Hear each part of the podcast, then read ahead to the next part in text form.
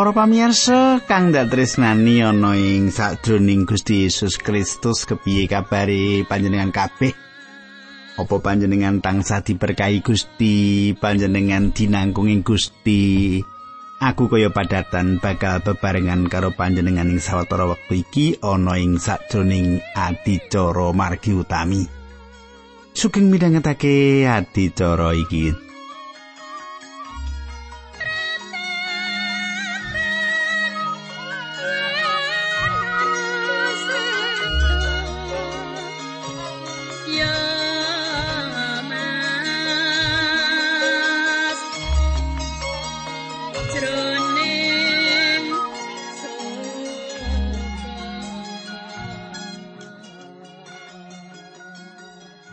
Kadangku kang dak tresnani, pengarep-arepku panjenengan cik kelingan apa sing tak aturake nalika patemon kepungkur aku wis ngaturake nalika semono Gusti Yesus ketemu karo Nikodemus.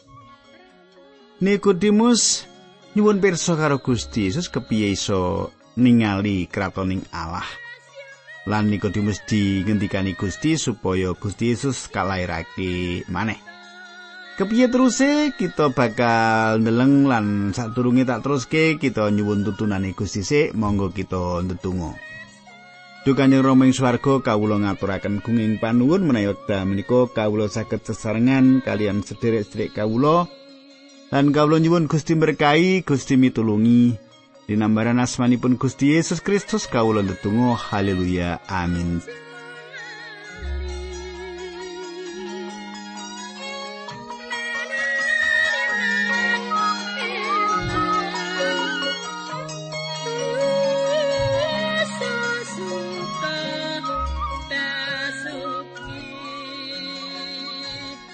Kadangku kang dak tresnani kita miwiti maca ing Injil Yohanes pasal telu ayat 5 coba panjenengan gateke aku maca kitab ing basa pedinan. Pangandikane Gusti Yesus menawa wong ora dilairake saka banyu lan saka roh Allah, wong mokal bisa ngalami kratone Gusti Allah. Kadangku kang dak tresnani apa to tegese dilairake saka roh? Panjenengan pirsa? Apa coba?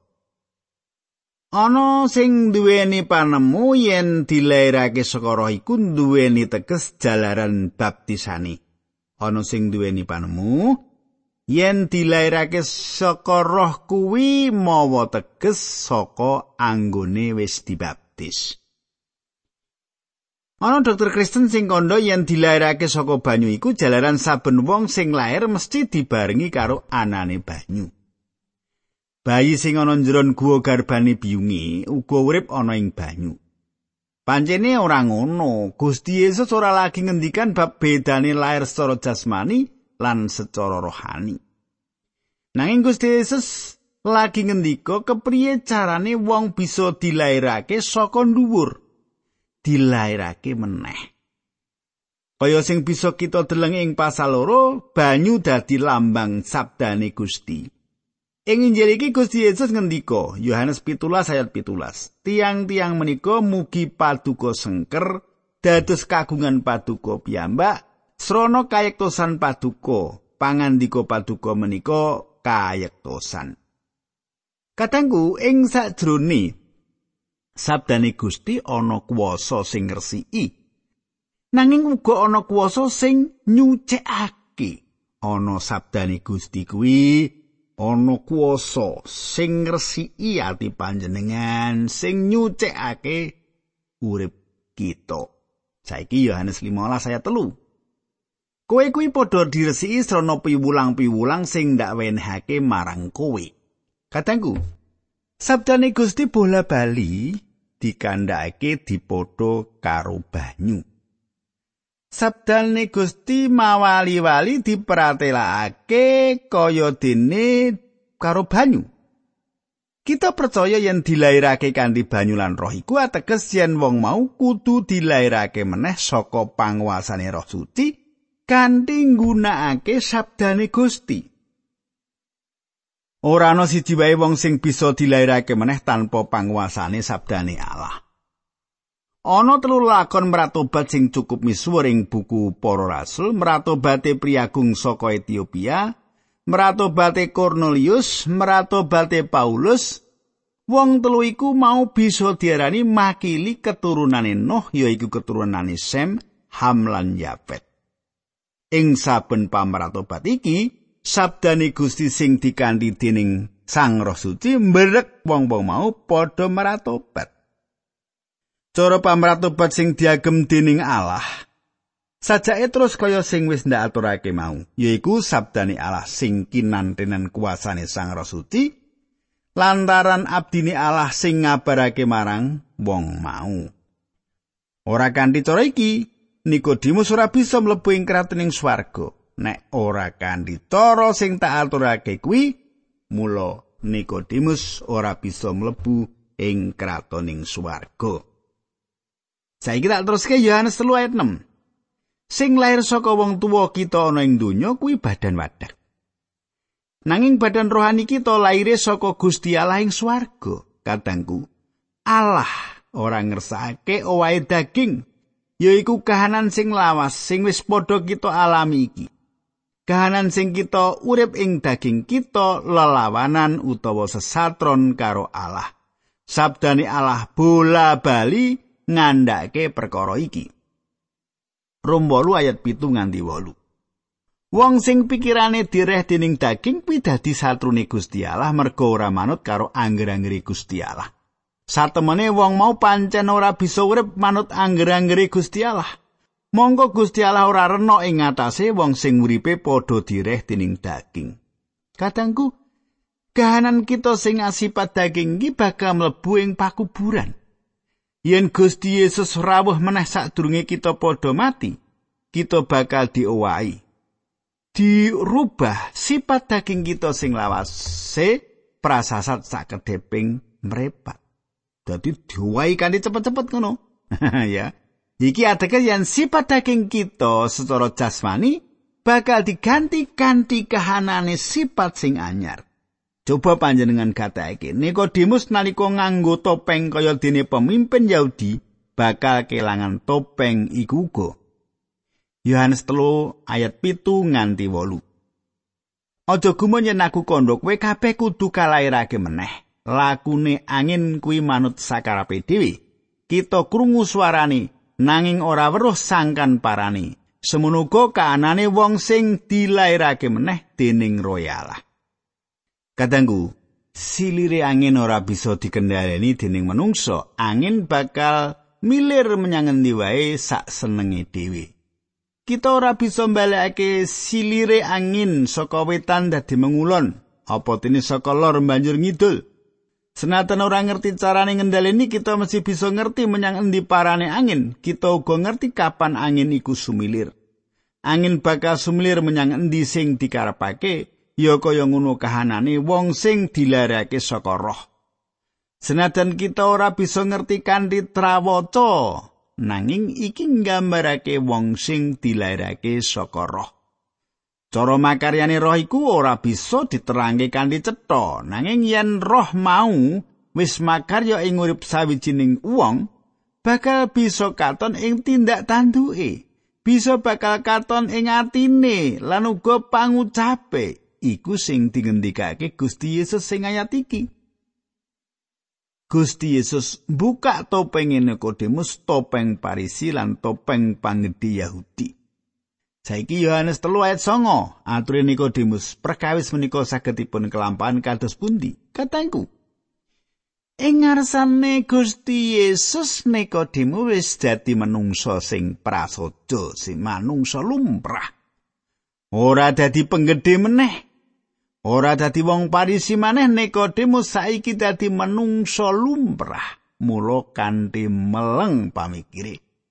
Nikodemus kepengin ngerti kepriye bab iku bisa kelakon lan Gusti Yesus bakal nerangake nganti jelas. Nalika kita sewani ngarsane Gusti Yesus sakabehi topeng pentul sing kita nggo kudu dibuka sowan kanthi prasaja kanthi apa anani nuli Gusti Yesus bakal nampi kita cunduk karo kahanan kita sing sanyatani lan yo cara sing kaya mengkono sing ditindakake Gusti Yesus nalika nampani pisowanane Nikodemus.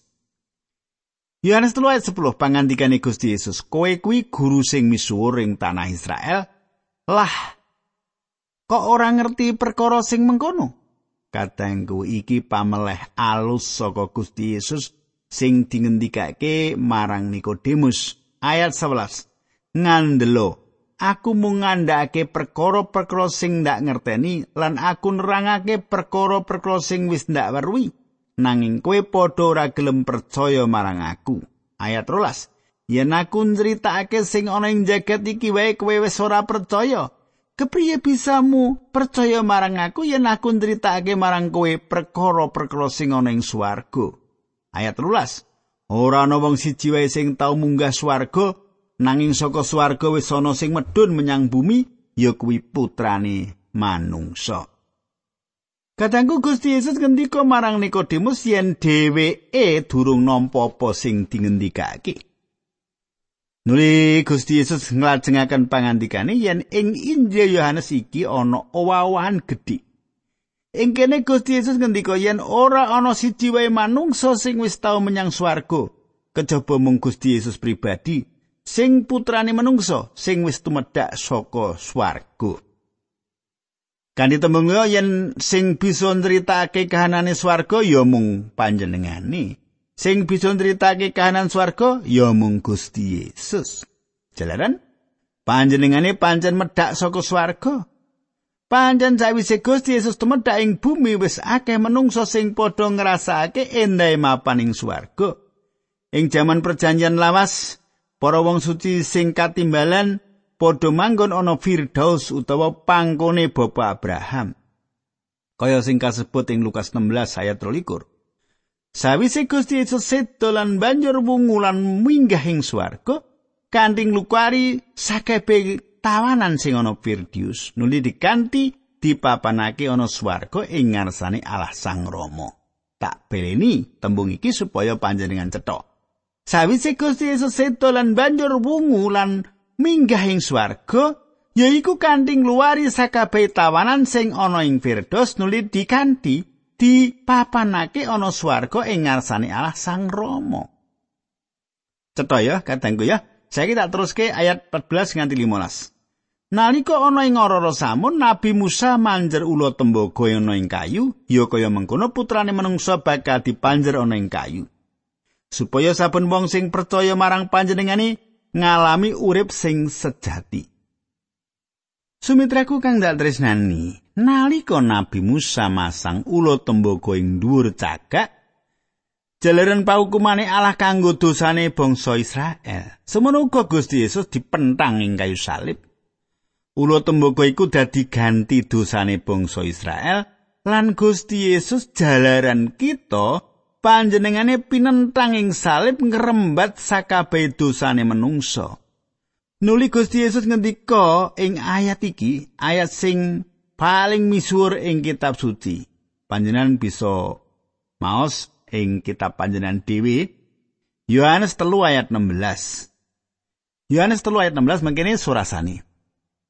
Awit saka gedhening sih katresnane Gusti Allah marang jagat, nganti panjenengane ngorbanake putrane ontang-anting supaya saben wong sing pracaya marang Sang Putra mau ora nemu karusaan nanging ngalamono urip langgeng. Hafal panjenengan ayat iki? Awit kula duwe lagu awit ngono nggih nate tak lagokke nggih.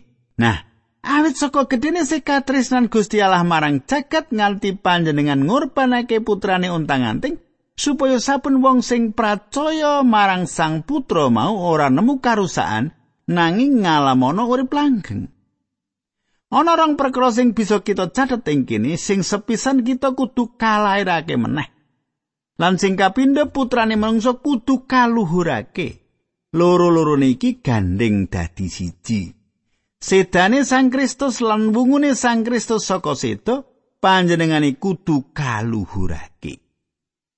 Jalaran apa? Jalaran panjenengane kudu kaluhurake iku kabeh nggone nanggel paukuman sing kanggo kita. Sang Roh Suci sing kuwagang nglairake maneh saben kita sing pracaya. sing bisa sing duwe kuasa nglairake maneh marang kita. Ya mung sarana iku Allah nampa kita. Allah banget nggone tresno marang donya iki. Coba saiki tak wacake Efesus 2 ayat 8 nganti 9. Sebab nggonmu diparingi keselamatan kuwi marga sih rahmate Gusti Allah lantaran nggonmu percaya marang Gusti Yesus. Keselamatan kuwi dudu ing pambudidayamu nanging peparinge Gusti Allah. Mula ora ana sing kena kanggo alasan gumunggung sebab kabeh kuwi dudu ing penggawemu dhewe. Katangku, banjur kepriye Gusti Allah nggone wilujengake kita? Awit saka gedhening sih katresnane Gusti Allah marang jagat nganti panjenengane ngurbanake putrane untang-anting supaya saben wong. Panjenengan bisa nulisake asma panjenengan iki nih. Saben wong supaya pujianto. Kita sing percaya marang sang putra mau ora nemu karusaan nanging ngalamono urip langgeng Kadangku tembung percaya banjur diteruske kanthi tembung marang sing tegese percaya marang Sang Kristus.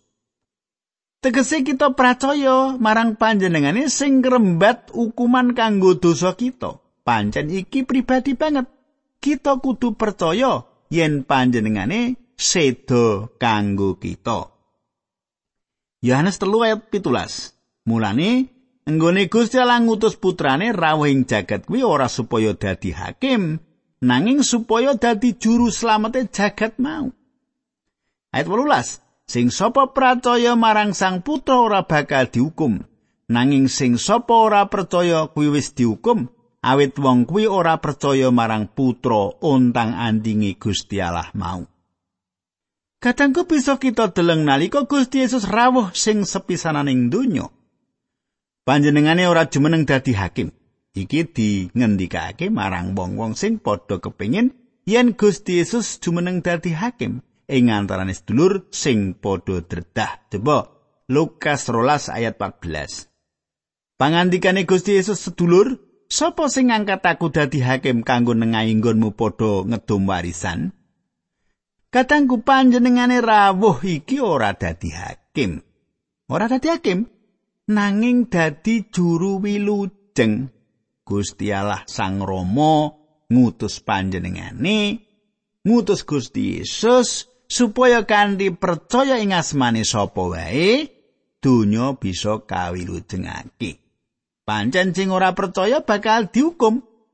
Asma sing ajaib iku asma sing edapi-edapi ya kuwi asmane Yesus sing jumeneng dadi juru wilujenge jagat Sing sapa percaya marang panjenengane bakal ora nampa paukuman nanging padha duweni urip langgeng. Nah katangku iku mau kabeh isine nalika Gusti Yesus nyethakake marang Nikodemus wong Parisi iku.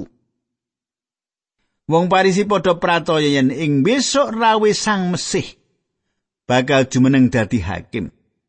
Ing perjanjian lawas njelasake ana rong perkara. Sepisan, panjenengane rawuh jumeneng dadi juru wilujeng sedo kanggo mbayar paukuman. Kapindo panjenengane bakal rawuh jumeneng dadi hakim. Wong parisi percaya banget yen sang mesih bakal rawuh. Awit iku sing dicethakake ing perjanjian lawas. Gusti Yesus nyethakake njlentrehake marang Nikodemus yen Allah ngutus putrane saiki iki ora dadi hakim tumrap jagat iki nanging kanthi percaya asmane donya bakal kawilujengake. Haleluya. Nah, tembung donya utawa jagat iku saka tembung Yunani kosmos. Tujuan karyane Allah iki kanggo njlametake donya saisine. Panjenengane ora rawuh kanggo ngadili nanging rawuh kanggo nyelametake donya iki. Ing asmane Gusti Yesus ora ana pakuman kejaba kanggo sing ora percaya marang asmane. Wis madya paukuman sing gegirisi akeh wong sing padha nduweni panemu yen donya iki lagi ana ngarepe pengadilan sak ora donya iki ketriwa. Panjenengan lan aku urip ing tengahing donya sing kesasar. Mesti wae kita ora perlu nunggu nganti tibane paukuman sing pungkasan karo sok sapa sing pancen uripe ketriwa. Urip kita kaya dene wong sing lagi nglakoni paukuman ing pakunjaran lan ana sing nawani gelem diluwari apa ora. Iku isine Injil. Injil ora ngarani yen menungsa lagi ana ngarepe pengadilan. Manungsa pancen wis ana ing paukuman. Manungsa wis ana jero krangkeng pakunjaran nunggu eksekusi. Putusane hukuman. Nanging Injil ngandhake yen ana pangapura, pangapura sing ditawarake dening Allah, sing ditawakake dening Allah. Jelase apa panjenengan kersa nampa pangapura iku apa ora? Pancen Injil golek sing ilang supaya apa? Supaya dipilujengake. Yohanes telu ayat 19 nganti selikur. Dene sebabe mengkini pepadang wis ana ing jagat nanging manungsa luwih seneng karo pepeteng ketimbang karo pepadang awit penggawe-penggawe ini ala. Saben wong sing nglakoni piolo sengit karo pepadang. Wong mau ora gelem marani pepadang supaya penggawene sing ala mau aja nganti konangan. Nanging sing sapa bangun turut marang kersane Allah, wong kuwi malah marani pepadang supaya cetha yen apa sing dilakoni mau manut kersane Allah. Katanggu kang dak tresnani ya iki pengadilan marang donya nalika Sang Kristus dipentang ing salib. Donya kudune sing nampa paukuman saka Allah. Hukuman apa ipat-ipat ana ing tengah lelakon nalika pepadang iku temedhak ing donya. Jalaran kahanane manungsa sing milih kadurakan mula pepeteng terus ngeluti bumi. Amung wong sing percaya marang Sang Kristus sing padha ngarep-arep tekane pepadang. Panjenengane pirsani iki sing dingendikake Gusti Yesus. Markus loro ayat pitulas. Wong sing waras mono ora mbutuhake dokter, mung wong sing lara wae. Tekaku ora nimbali wong sampurna nanging wong dosa. Markus 10 ayat 40 sebab putrane menungso kuwi rawe ora mundut diladeni nanging malah ngladeni lan masrahake nyawane kanggo ngluwari wong akeh.